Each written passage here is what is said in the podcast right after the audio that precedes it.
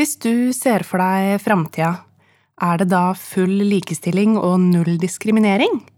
Eller har alt gått galt, likestillingen er blitt kastet over bord og patriarkatet slått ut i full blomst? Blessed be the fruit, sier jeg bare, så vet mange av dere hva jeg mener. I denne episoden skal det handle om utopier og dystopier, kombinert med feminisme og sexisme.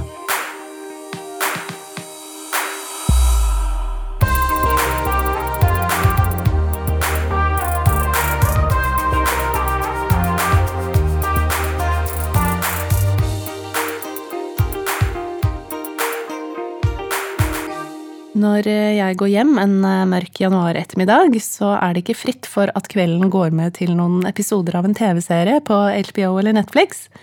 Og skal vi tro stadige undersøkelser, så gjør majoriteten av nordmenn og kvinner noe lignende.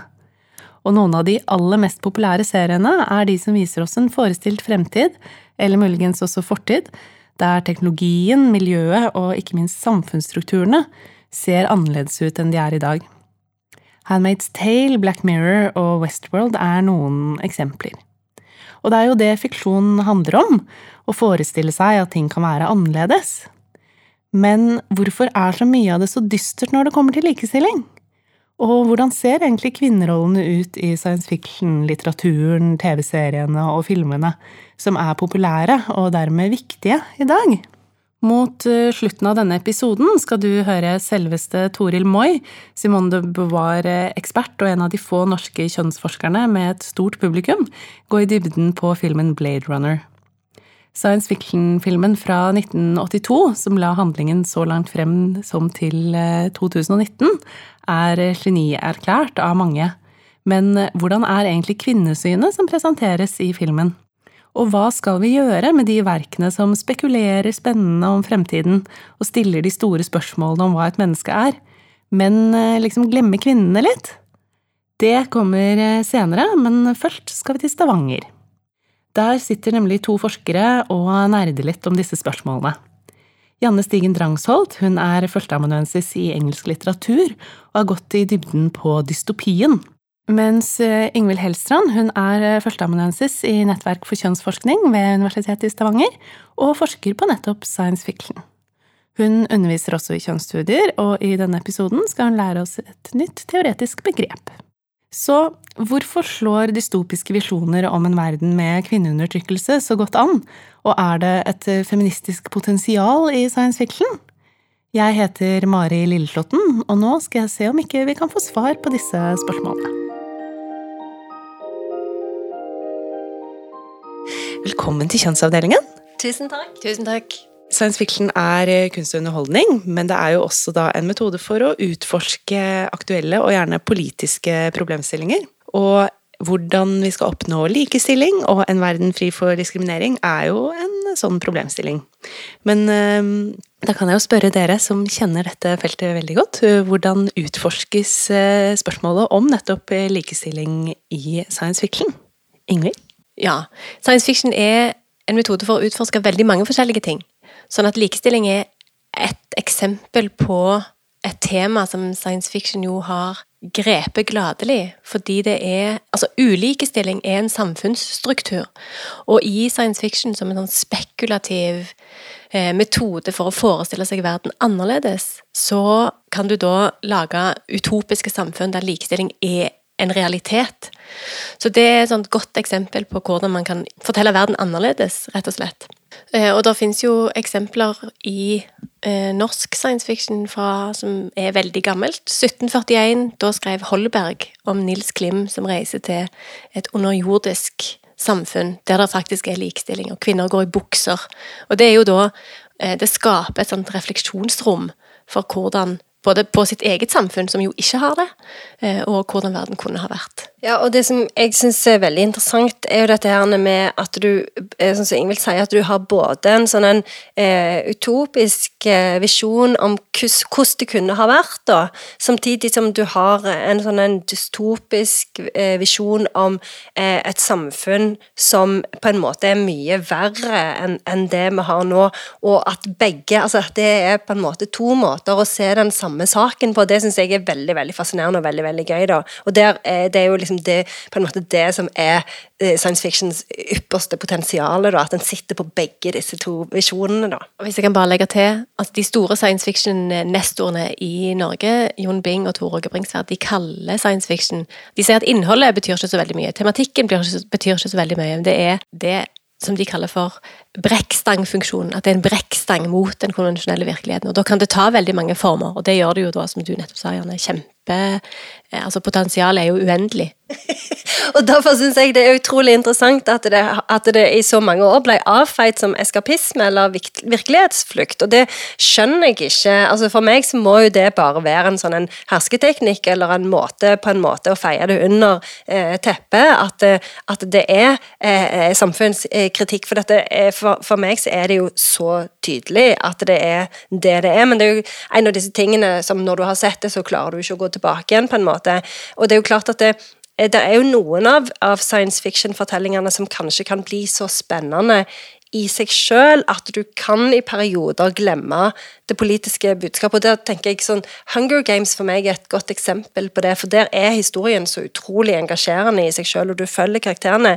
Men samtidig så er jo den politiske tematikken òg altså Det er jo det som er på en måte eh, motoren hele tida, da. Jeg tror at det er et kjempegodt poeng. Og akkurat nå så er jo science fiction veldig i vinden, og det tror jeg har med å gjøre at samfunnet er veldig i endring.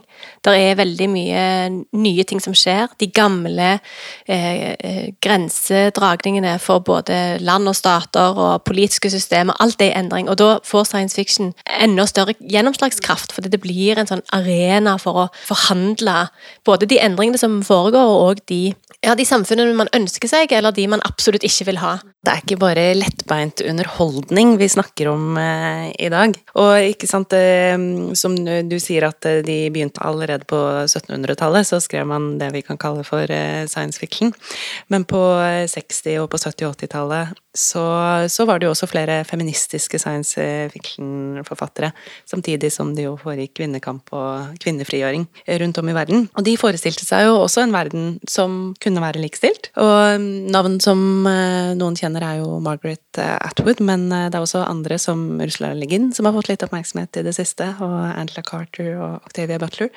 Hva var det de ville med det de skrev, og, og hvorfor var det nettopp da denne sjangeren de eh, tydde til? Ja, altså Det viktigste, eller iallfall et av de viktigste slagordene for det som vi kjenner som den andre bølgen i feminismen, var jo at det personlige er politisk. Og det var veldig viktig for alle disse forfatterne som skrev spekulativ fiksjon, og spesielt science fiction. Det var veldig ofte med utgangspunkt i eh, hverdagslivet og problemstillinger som ofte rammer eh, kvinner.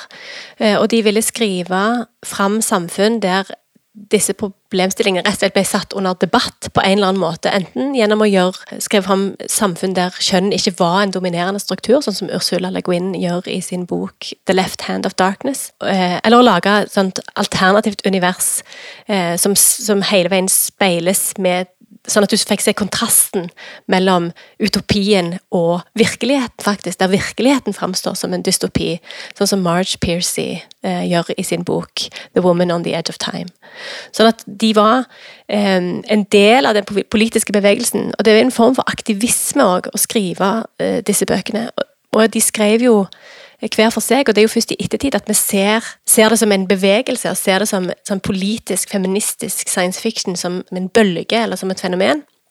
Jeg tror når det sto på, så var det rett og slett et verktøy for å få satt temaer som likestilling eh, og diskriminering og vilkår for kvinner, da spesielt i USA, på dagsorden. Ja, jeg er helt enig. Og så tenker jeg òg litt det der som jeg syns er så utrolig fascinerende med science fiction, at du sånn så, Hvis vi tar utgangspunkt f.eks. i Betty Friedens uh, The Feminine Mystique altså Det hun setter ord på, da, det er jo det hun kaller for 'the problem without a name'. Eh, og det viser jo at det, det finnes noe der ute som en ikke har språk for, og der er jo science fiction helt utrolig nyttig. fordi jeg tenker at det er sikkert òg mange av de tingene som, som, som, en del av disse kvinnelige science fiction-forfatterne tar opp på 70-tallet, som gjerne de ikke hadde tenkt ut på forhånd, eh, og problemer som de kanskje egentlig ikke hadde sett, men som, som vokste fram underveis eh, med skrivinga. For det er jo det som altså det er jo en viss magi i det å skrive skjønnlitteratur. Ting dukker jo opp underveis som du ikke på en måte har tenkt ut på forhånd. Så det er jo litt det der med å jeg tenker litt på sånn som de skyttergravspoetene under første verdenskrig, sånn som Wilfred Owen, for eksempel, som på en måte klarer å beskrive krig som krig virkelig er, men for å gjøre det, så må han finne et nytt språk, han må finne ord for noe som der egentlig ikke finnes ord for. Eh, og det er jo det som skjer, og det er jo det som er liksom science fictions utrolig sånn styrke, da, at du liksom kan lage et alternativt univers, ikke bare som et symbol, men faktisk som et eget språk, hvor du kan si ting som ikke har blitt sagt før, og sette ord på ting som ikke har hatt ord tidligere. da. Jeg er helt enig, og jeg tenker For det er den, den store bølgen av feministisk science fiction som kom på 70-tallet.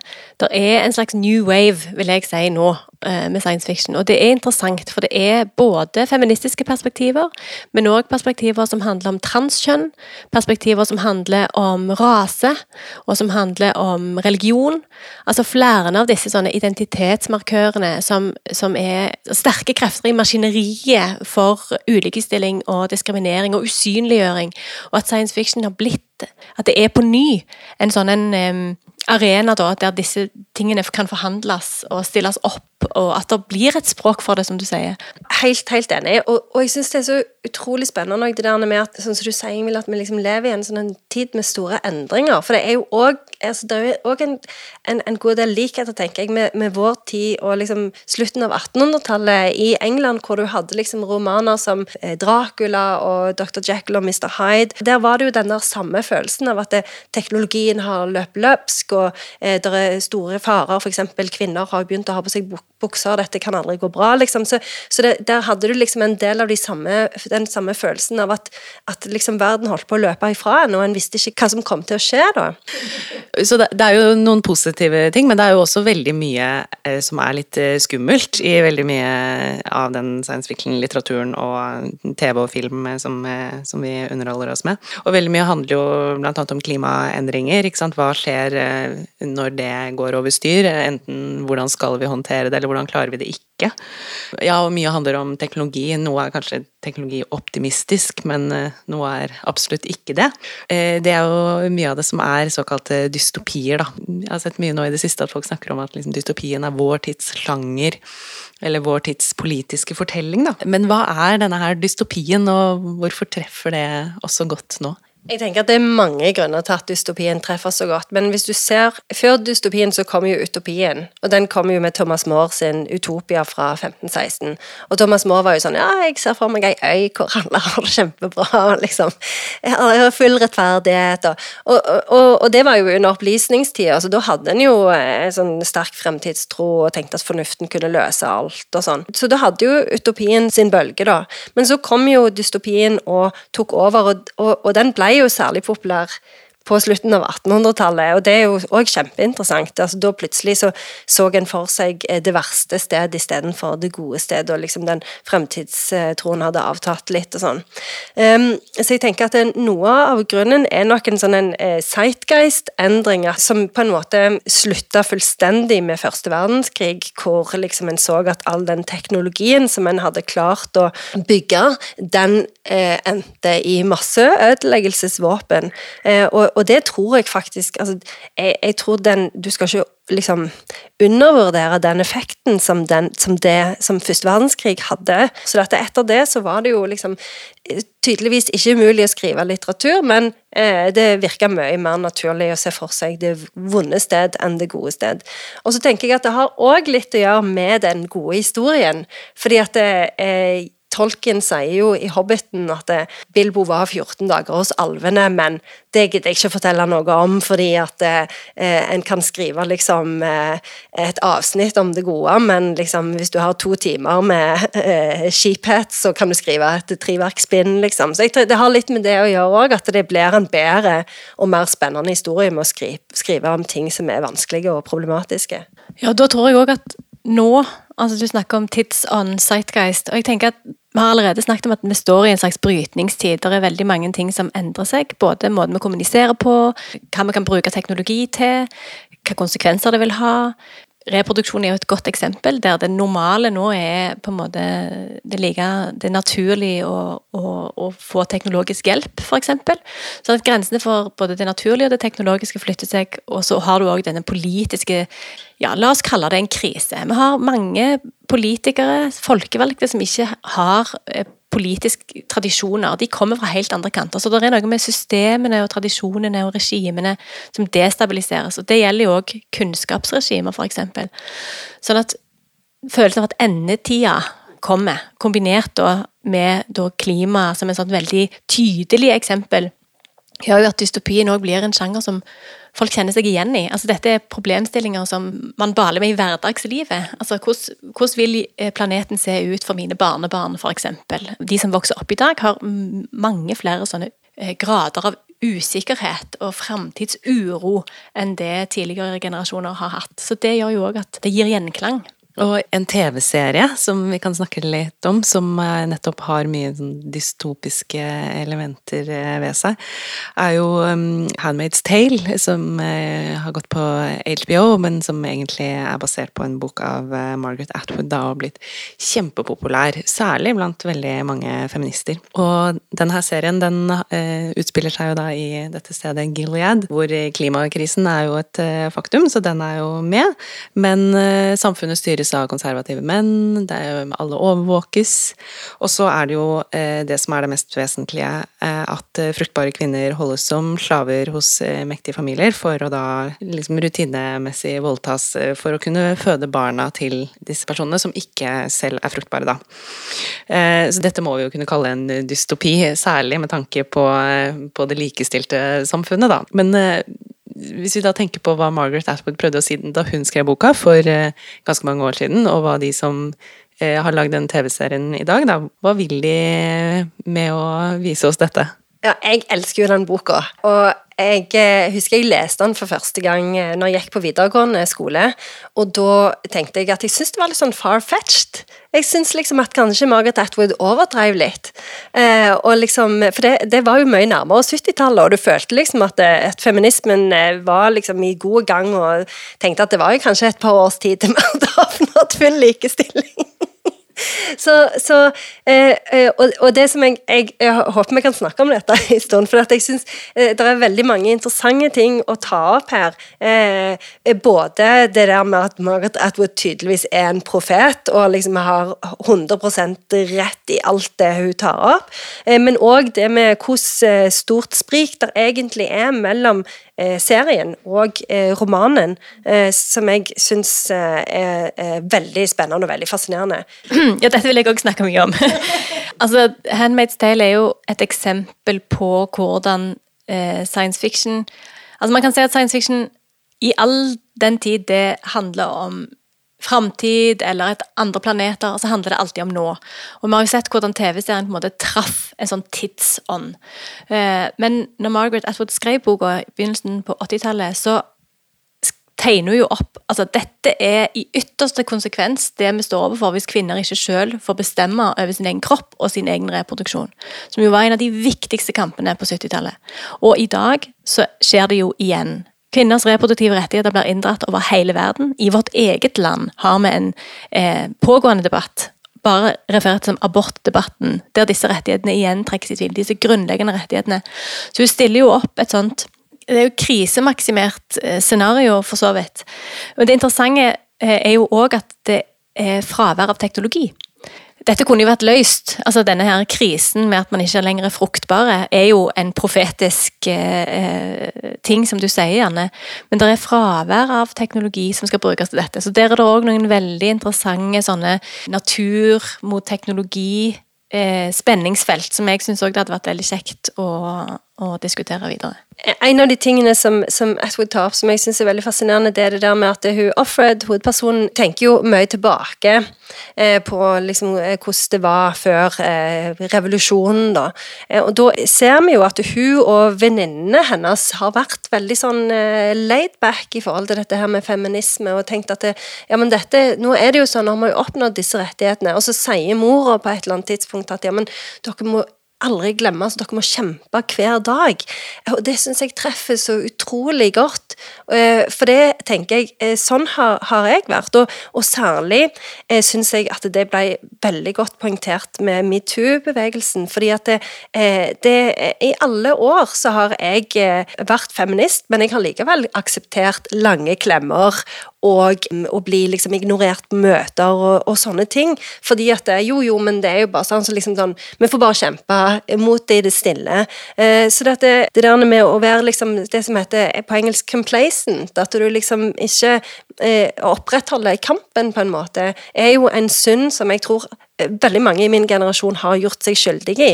Og dette så Margaret Atwood allerede i 1985, eh, og det er jo utrolig viktig. Eh, og det er jo litt det samme som, du sier, Ingvild, men liksom, sånn som TV-serien har truffet, er jo mye dette her med den metoo-bevegelsen og Trump i USA og alle disse tingene, men, men de temaene, altså det, det, perspektivet som Margaret Atwood har i romanen, det, det, er mye, mye større, og det er mye mer sånn eh, science fiction på sitt beste, fordi det sier noe, det kan brukes til å si noe konkret om et samfunn i en viss periode, men det sier òg noe om ja, sånn usynlighet og sånne ting som du snakka om, med Ingvild, tidligere. Og så sier det òg noe om, om eksistensen, om, om, grunnleggende vilkår for å få lov til å være i verden, og på hva slags premisser. For det er jo eh, kvinnene i Gilead alle er jo undertrykte. Både de, de mektige familiene og i de Selv om akkurat perspektivet til de mektige har jo kommet mer inn i serien, for så vidt. Men det viser jo òg at det er kvinnene i denne serien som må kjempe for sin status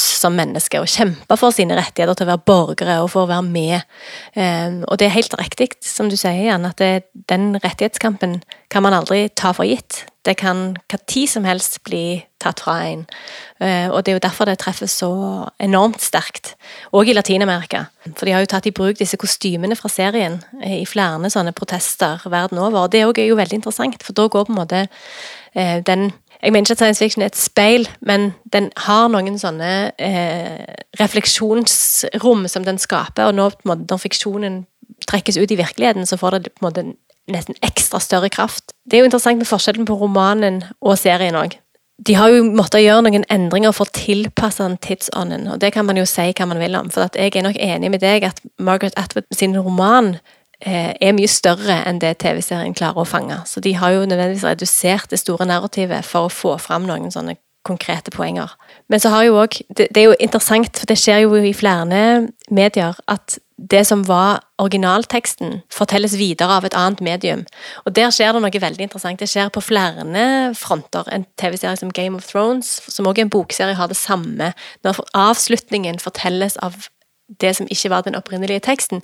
Og Der òg skjer det en sånn merkelig grenseforskyvning. Det er ikke absolutter lenger. Og, og, og, hva skjer med fortellingen da? Det er jo eh, Ja, det skjer mange ting, men det, det er også akkurat det der det mediale i det syns jeg er ganske spennende.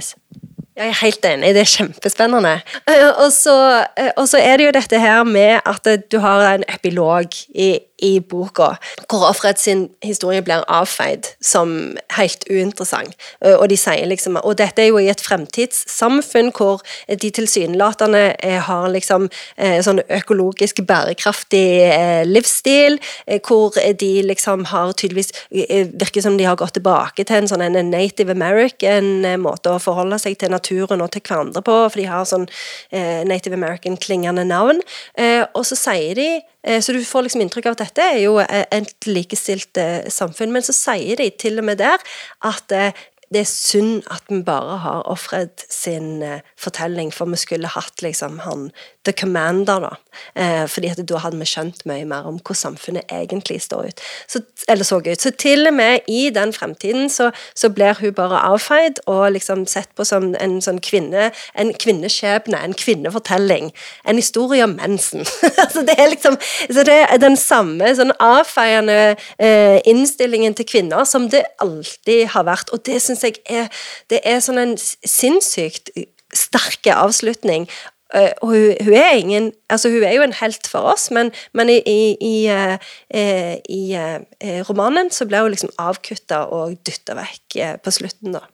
Men jeg tenker at akkurat det er jo òg litt av poenget til Atwood. Selv om vi har fått denne fortellingen, så er ikke den, den er ikke nok. Den er bare ett eksempel på mange, og hvor lett det går an å, avfeies. Og det er jo der man kan stille spørsmålstegn om det er nødvendig å lage sesong tre, to og tre og fire og fem. For denne fortellingen er jo ikke en som nødvendigvis har Altså, Hva løsning skulle du hatt? Hva er det du skal fram til? Hva, på hva slags måte kan denne fortellingen om store eksistensielle spørsmål, retten til å få lov til å definere sitt eget liv, kan den avsluttes?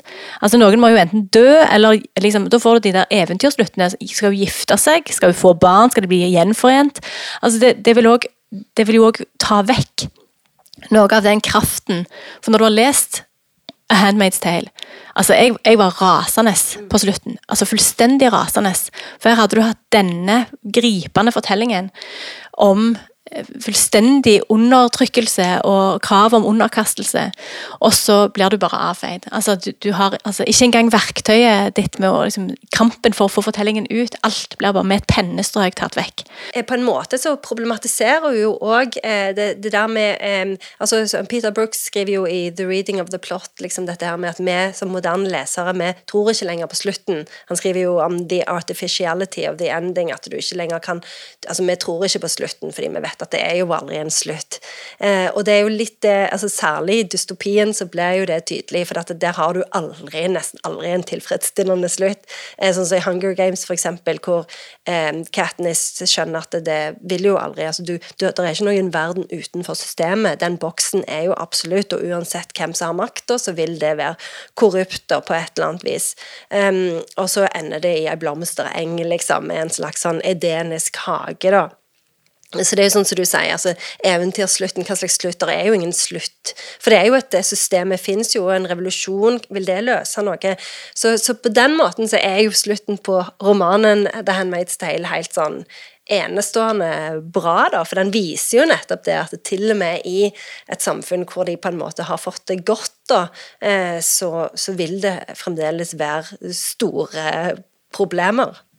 Bare en tanke om, eh, om Handmaid's Tale og en del annen eh, lignende dystopisk eh, underholdning, da, er jo at det, vi underholder oss jo da mye med nettopp samfunn som ikke er likestilte, og vi ser mye vold mot kvinner, gjerne seksualisert vold da, og undertrykkelse. Er det ikke også en liksom bismak i å sluke sesong etter sesong? Er det ikke også problematisk å, å underholde oss med kvinneundertrykkelse, rett og slett?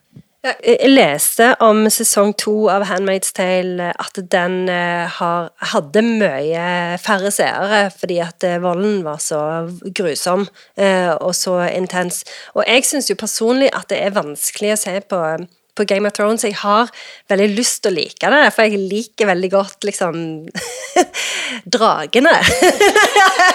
jeg liker veldig godt liksom tanken på altså, historieuniverset, på en måte. Men jeg bare Det er veldig Jeg blir veldig sliten av å se på så mye seksualisert vold, og en del av det er jo ganske sånn um, Ja, altså, det drar jo veldig ut, da. Eh, Game of Thrones er jo veldig sånn um, typisk HBO-serie. For HBO har jo veldig, vært veldig opptatt veldig lenge av å dra grensene for hva en kan vise på TV. Kan en drepe barn, f.eks.? Eh, og, og Game of Thrones har jo eh, spilt veldig på det med at den har gått over alle grensene som kan forestille seg. Eh, og, og det drar jo Handmaid's Tale på sin måte enda lenger, fordi at de viser hva du kan gjøre i et sånn et autoritært samfunn. da. Men jeg, jeg, jeg, er litt sånn Jeg syns det, det, er vanskelig å se på. Det syns jeg. Ja, det syns jeg òg. Det ble nesten litt sånn fråtsing i seksualisert vold, kan man si. Men det er jo et, et paradoks i dette, som er at hvis du skal sette noe på dagsorden, så må du nødvendigvis vise det fram.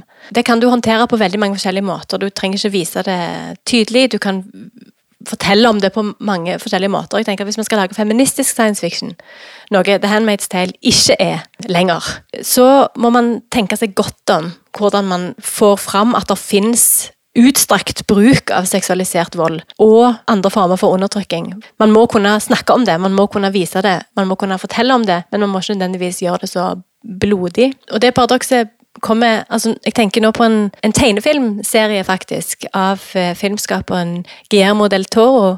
Der det er sånn alien spaceship som strander, og de krasjer i verdensrommet, og de må ned på planeten Jorden. Og de har fire armer og liksom lyse, sånn selvlys, sånne blå eh, exokropper. Altså, de har skjelett utpå. Når de skal ned på jorden, så sier så bestemmer de seg for at ok, vi må ha vi må ha former som ingen bryr seg om. Så de forvandler seg da til en kvinne, en latino og en gammel mann med stokk.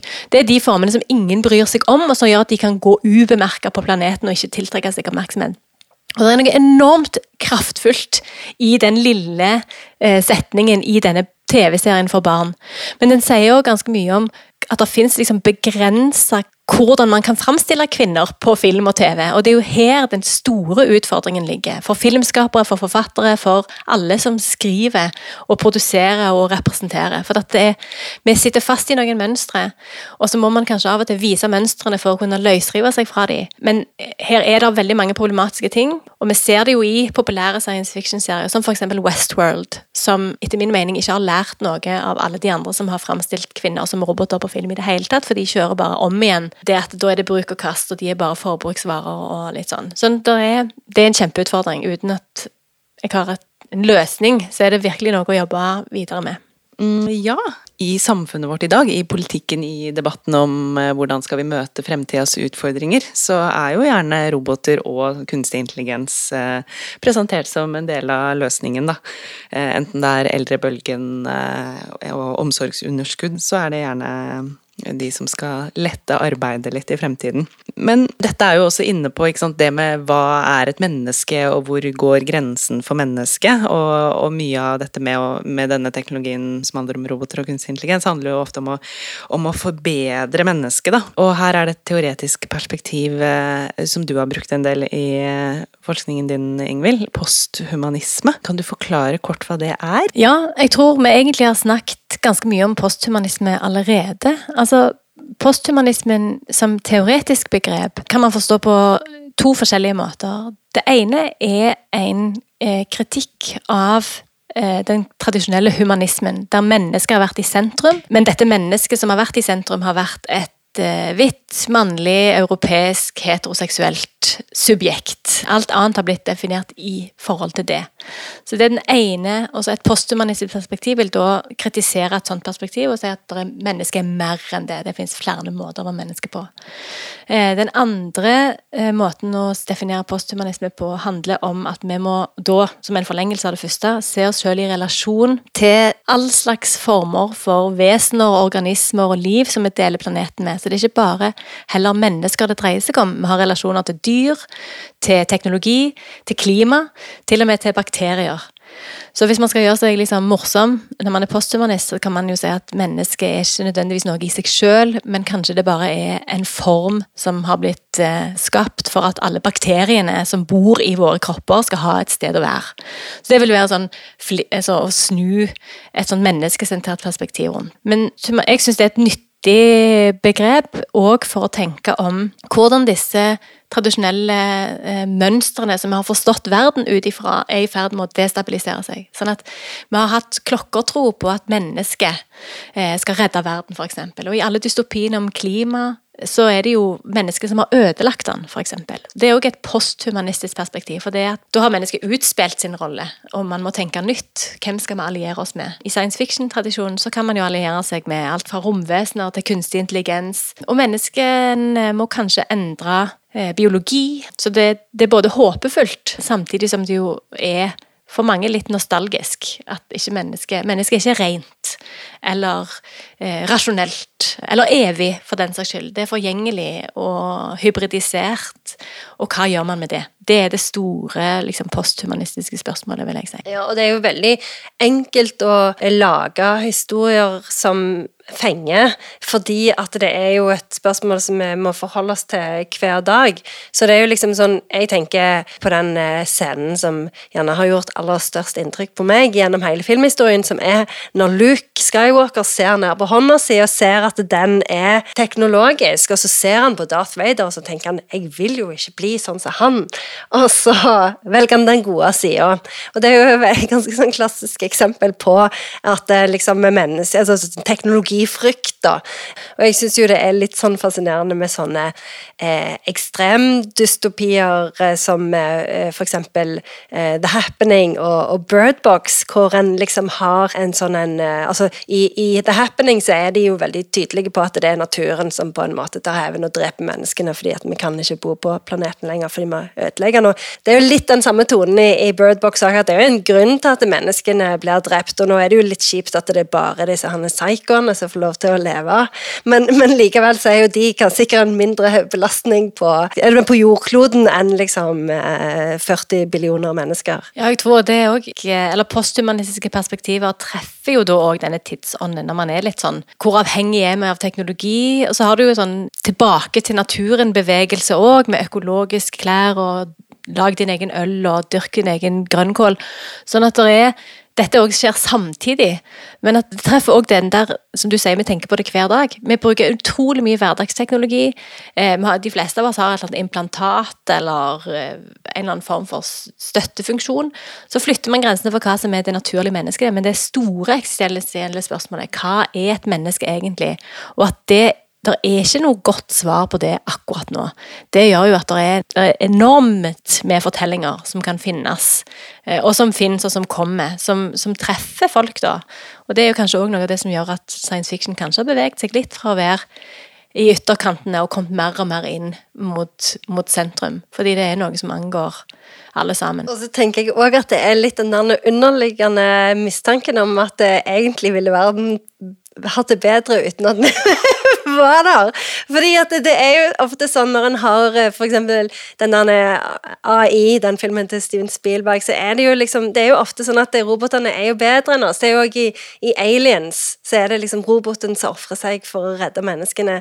Eh, men roboten er jo Da er jo roboten bedre, fordi det, han er jo mer moralsk, da. Eh, det, og, og, det er jo òg liksom den der eh, du, du, du, du, vet jo liksom at det, vi er kanskje egentlig ikke gode nok. Vi fortjener kanskje egentlig ikke å være her. Men det er jo kjempeinteressant, for at noe av den science fictionen som jeg har sett i det siste, det er landingen på Mars. Og det er jo, det er liv på Mars nå. Det er bare kunstig intelligens-liv. Det er ikke menneskeliv. Og det er jo, altså, det er jo fantastisk. Så hvis bare, Det er jo hvordan du tenker om det på. Det er liv på Mars, folkens. Ja, mm, det handler om eh, perspektivet man inntar. Uh, vi begynner å nærme oss uh, slutten, men Ingvild, du har snakket litt om det med denne nye bølgen med science fiction som skrives i dag. Hvem er det som er de spennende science fiction-fortellerne i dag, og hva er det de gjør? Altså, i Norge så vil jeg trekke fram Katrine Knutsen Eh, som skriver veldig mye altså Hun skriver velferdsteknologi science fiction. Eventuelt velferdsstat-science fiction, hvis vi skal liksom coine et nytt begrep her og nå. Og så er det òg en veldig spennende eh, ny Eh, roman av Taraniga Raja, som har skrevet om eh, den store krigen mellom nordmenn og samer, og hvordan vi må bygge en ny eh, verden. Og, så det er kjempespennende. Men internasjonalt sett så er det det som jeg kaller for en new wave, da. Og da har du eh, eh forfattere som eh, Nedi Okorafor og Nalo Hopkinson og NK Geminis sin. De er Vel, altså de er fantastiske forfattere, og de er både feministiske, men så har de òg eh, De vekser mellom å ha det som man i eh, science fiction-miljøet kaller for afrofuturisme. Eh, men den er både positiv og negativ. Men det er jo noe med å sette eh, altså De henter opp f.eks. slavehistorien, eh, strukturelle vilkår for hvorfor staten har blitt som de har blitt. Hvis noen har sett filmen Black Panther, så er det et eksempel på en sånn afrofuturisme det er virkelig, Nå skjer det veldig mye spennende i science fiction-feltet, så det er bare å følge med. Tusen takk skal dere ha, eh, Janne og Ingvild, for at dere ville være med og snakke om dette. Tusen takk. Du hører på Kjønnsavdelingen. Som vi har hørt, så finnes det feministisk science fiction og ny og spennende science fiction som løfter frem eh, viktige politiske spørsmål på en bra måte. Men det er ikke alltid sånn at det som får merkelappen kultfilm, eller til og med et filosofisk mesterverk, har et feministisk potensial. Toril Moi, professor i litteraturvitenskap ved Duke University, har sett nærmere på ett slikt verk. Filmen Blade Runner, som først kom ut i 1982, for så å gjenutgis i forskjellige utgaver årene etterpå, har fått mye oppmerksomhet, også akademisk, for måten den klarer å få oss til å tenke om hva som gjør oss til mennesker. Filmen er basert på boka Do Androids Dream of Electric Sheep av Philip Dick, og presenterer en verden i 2019 hvor mennesker har skapt kunstige kopier av menneskene, altså androider. Teknologien har gått litt over styr, og replikantene, som de kalles, har blitt forvist fra jorda. Disse replikantene ble programmert med en utløpsdato som gjør at de ikke kan leve evig. Men en gruppe replikanter vendte tilbake til jorda for å finne skaperne sine og gjøre om på den detaljen. I filmen så følger vi den eh, tidligere politimannen, eller Blade Runneren, Rick Deckard, spilt av Harrison Ford, som skal få tak i disse replikantene. Vi møter også Rachel, som viser seg å være en replikant, men hun har fått installert minner som gjør at hun ikke selv forstår at hun ikke er et menneske. De andre kvinnelige karakterene i filmen, Pris og Shora, er også replikanter. 7. januar så holdt Toril Moi et innlegg på Nasjonalbiblioteket med tittelen Hvordan vet jeg at du er et menneske? Og nå skal du få høre siste del av dette, hvor hun nettopp går løs på hvordan filmen Blade Runner behandler de kvinnelige karakterene.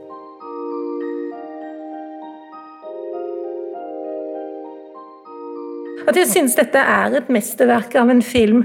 Um, det er da utforskningen av skeptisismen og den utfordringen denne filmen har til den kartesianske tradisjonen, og at det går an, så lett går an å lese den som en allegorisk kritikk av rasistisk tenkning, f.eks. Dessverre så mener jeg da samtidig, og helt samtidig, at filmen ikke gjør noen ting for å inspirere til nytenking om kvinnenes stilling i menneskeheten.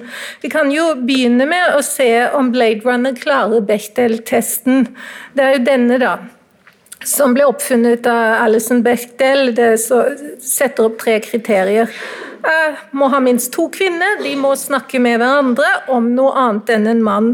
Og Blade Runner da stryker jo da totalt klart, for de, den har tre kvinner, men de snakker aldri med hverandre. Det finnes ikke én samtale mellom to kvinner i denne filmen. Ferdig med det.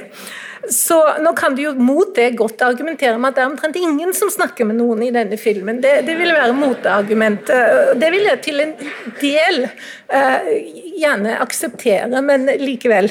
Um, alle de tre kvinnene er Zora, Pris og Rachel er replikanter. Mennene i filmen er enten replikanter eller mennesker. Zora og Pris fremstilles tradisjonelt stereotypiske som henholdsvis falliske. Dette er Shora Laura som opptrer naken med en slange, en pyton altså Hvis dere ikke tror at dette er en sexistisk klisjé, så vet jeg ikke hva jeg skal si. Um, og så Pris, som har, hun fremstilles som en dukke, og det er veldig interessant. Det er veldig sånn Hoffmanns eventyropplegg med Olympia, for hun forkler seg på et tidspunkt som en dukke blant, i et dukkeverksted da, for å unnslippe Deckard, som kommer for å drepe henne. Men, her, her, men, man kan ikke si at hun er averotisert, akkurat. Så um, hun um, Rachel er jo da mer en sånn uh, tvetydig film noir-karakter. Det kunne se ut som en femme fatale, men viser seg å være et offer. da.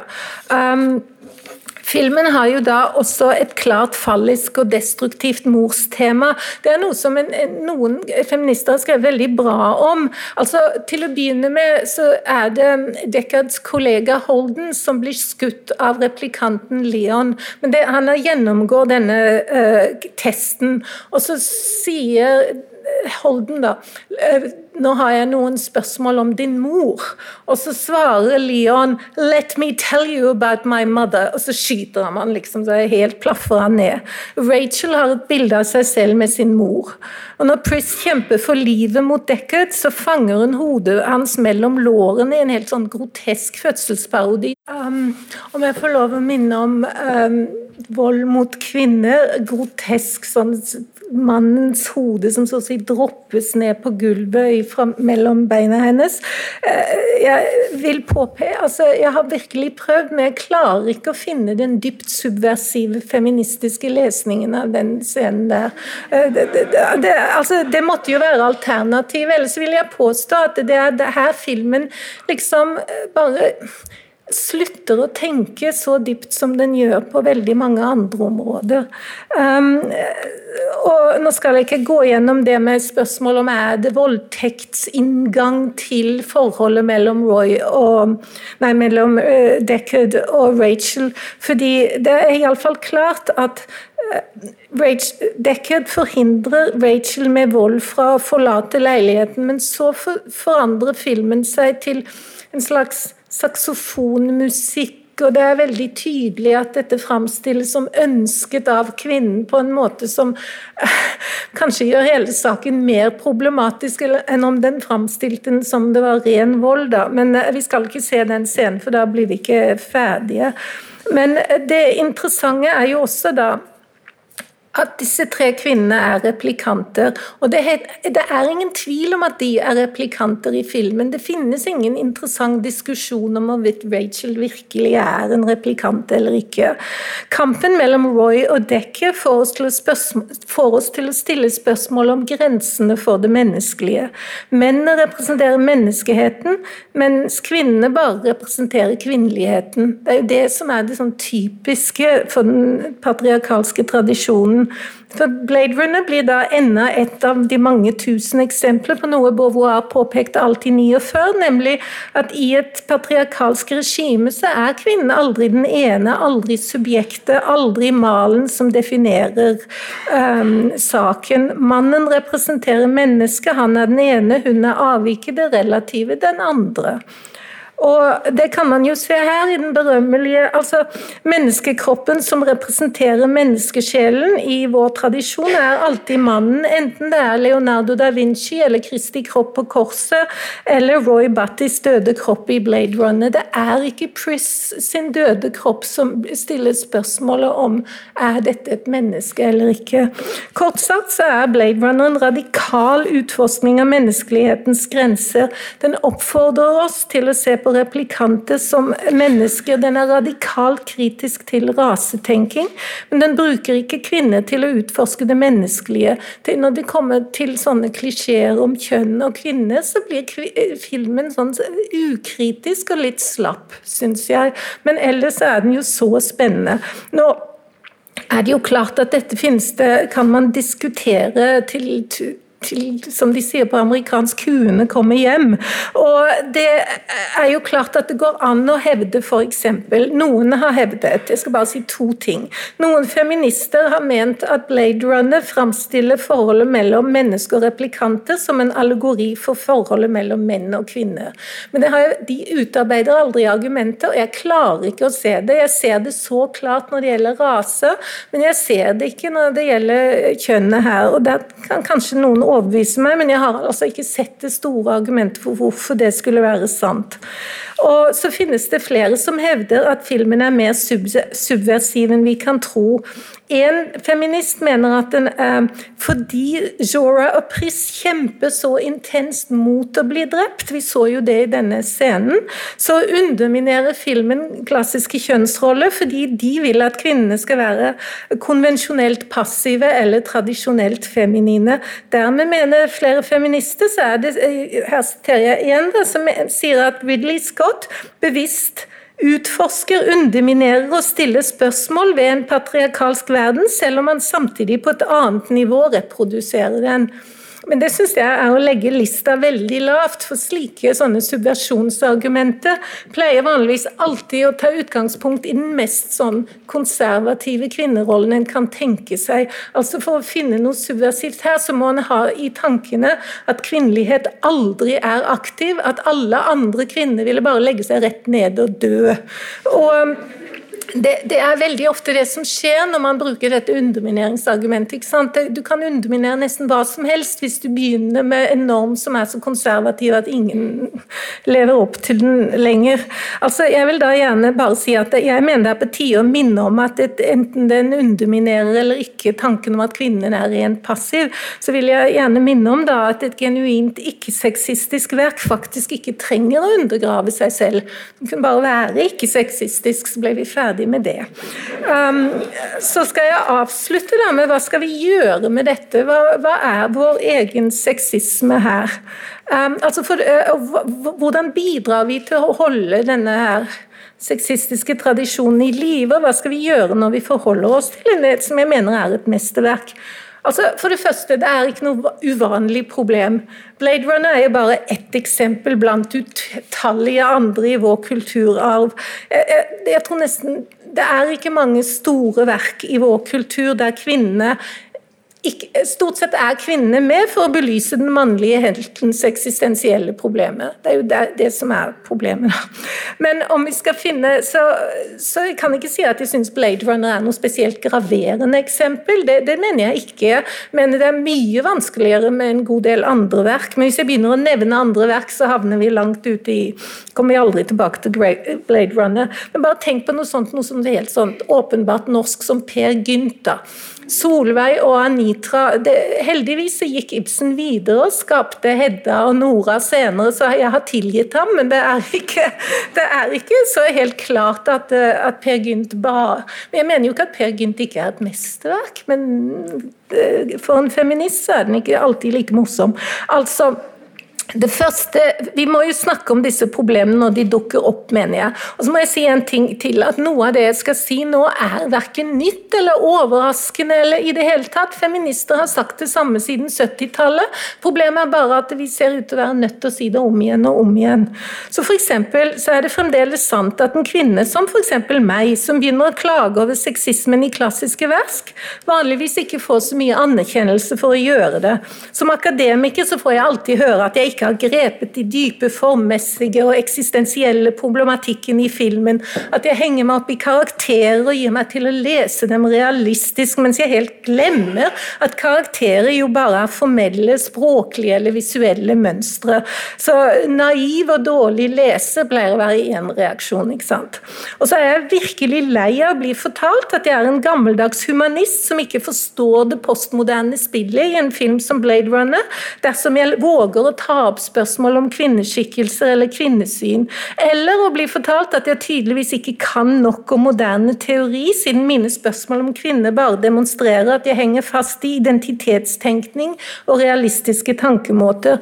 Jeg mener at slike sånne teoretiske motsvar, som jeg også mener er veldig dårlig teori, da, men det er jo noe annet, um, slike responser er forsøk på å unngå den feministiske problemstillingen, er derfor i seg selv sexistiske. De skal få oss til å snakke snakke om noe annet, eller få oss til å føle oss mindreverdige dersom vi tar opp spørsmålet. Om mine spørsmål er så teoretisk ukorrekte, så kan vel teoretikerne selv heller legge fram en nye og bedre måter å diskutere kjønnsspørsmålet på. Men som oftest så vil ikke det, de vil heller skifte tema. Men la oss si at vi merker oss kjønnsproblematikken i Blade Runner. Um, så hva er så våre muligheter? Vi kan jo forkaste verket, si at vi må forbigå det i taushet. Det har jeg jo ikke gjort med Blade Runner, da, så det kan jo ikke være løsningen her i dette tilfellet. Um, så, så, kan vi eventuelt komme noen, Men altså, si litt mer om problem nummer én først. altså Um, vi kan ikke forkaste Blade Runner, for da måtte vi den er jo ikke, Jeg skal komme til at jeg ikke syns den er så graverende sexistisk. Det er jo ikke noe enten-eller her. Det handler ikke om at enten er noe 100% forkastelig, eller så er det 100 bare for englene. Det, det vi er stilt overfor, er en utfordring til vår dømmekraft. At vi må vurdere hva vi mener om dette. Så når det gjelder det å forkaste Blade Runner, så må vi da måtte vi forkaste det meste av verdens kultur fram til i dag. Vi kan jo ikke som kvinner gjøre oss selv kulturløse i ren avsky for sexismen. For kvinners subjektivitet og syke er jo også formet av den kulturtradisjonen vi nå ønsker å kritisere.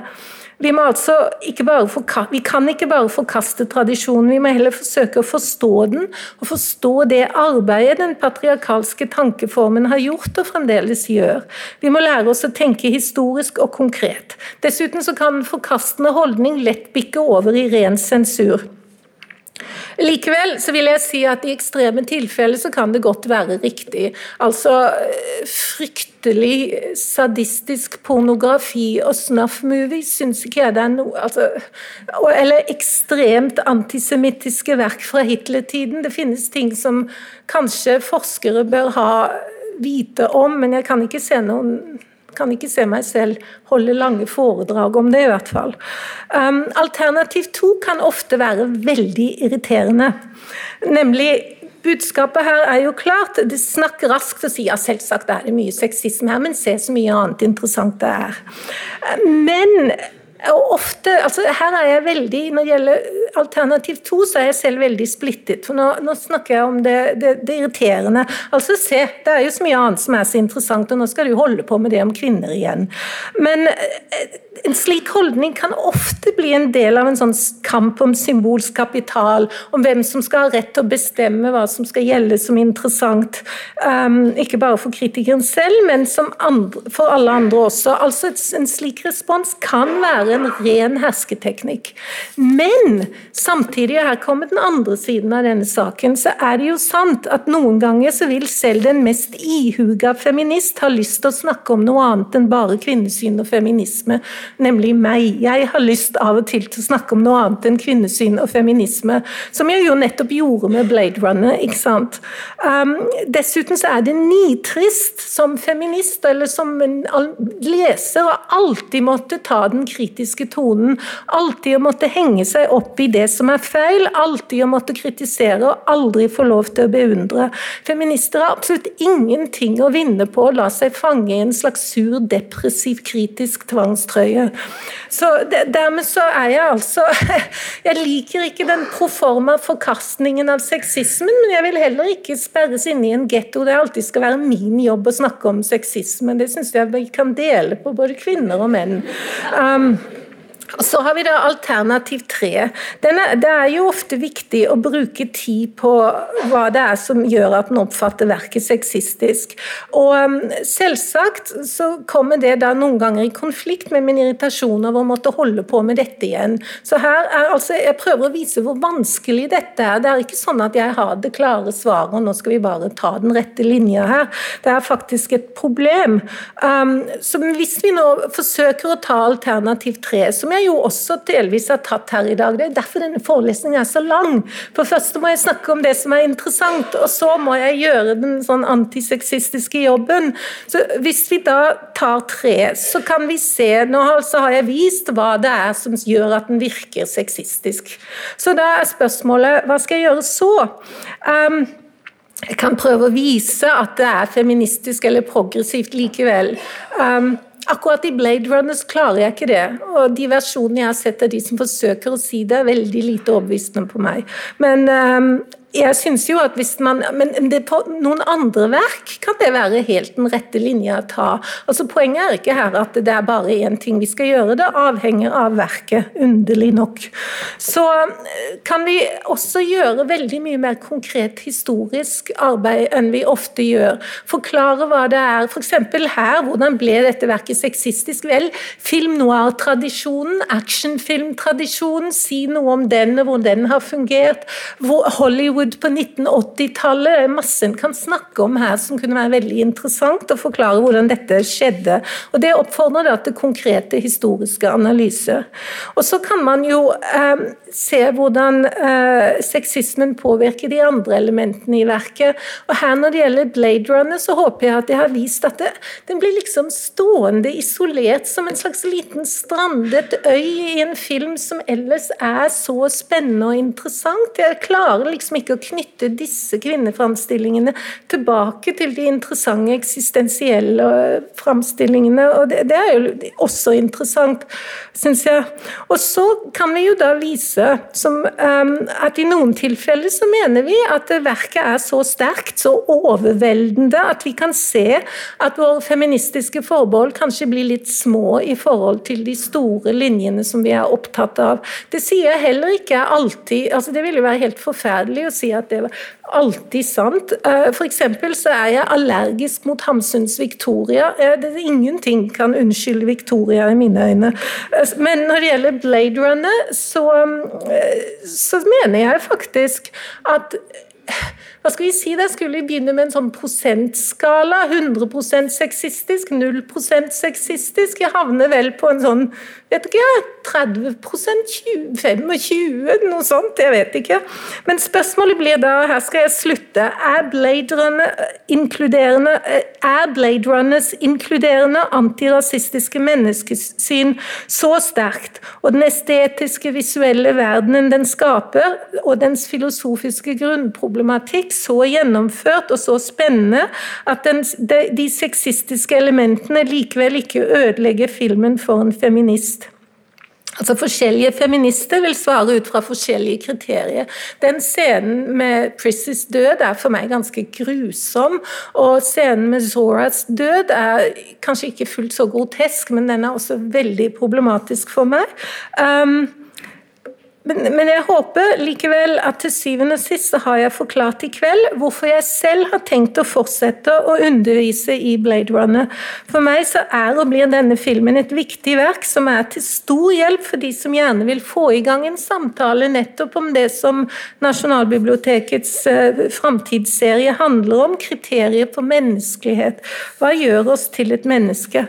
Men jeg er ingen overdommer. Spørsmålet er jo ikke lenger hva jeg mener, men hva dere mener. Takk skal dere ha.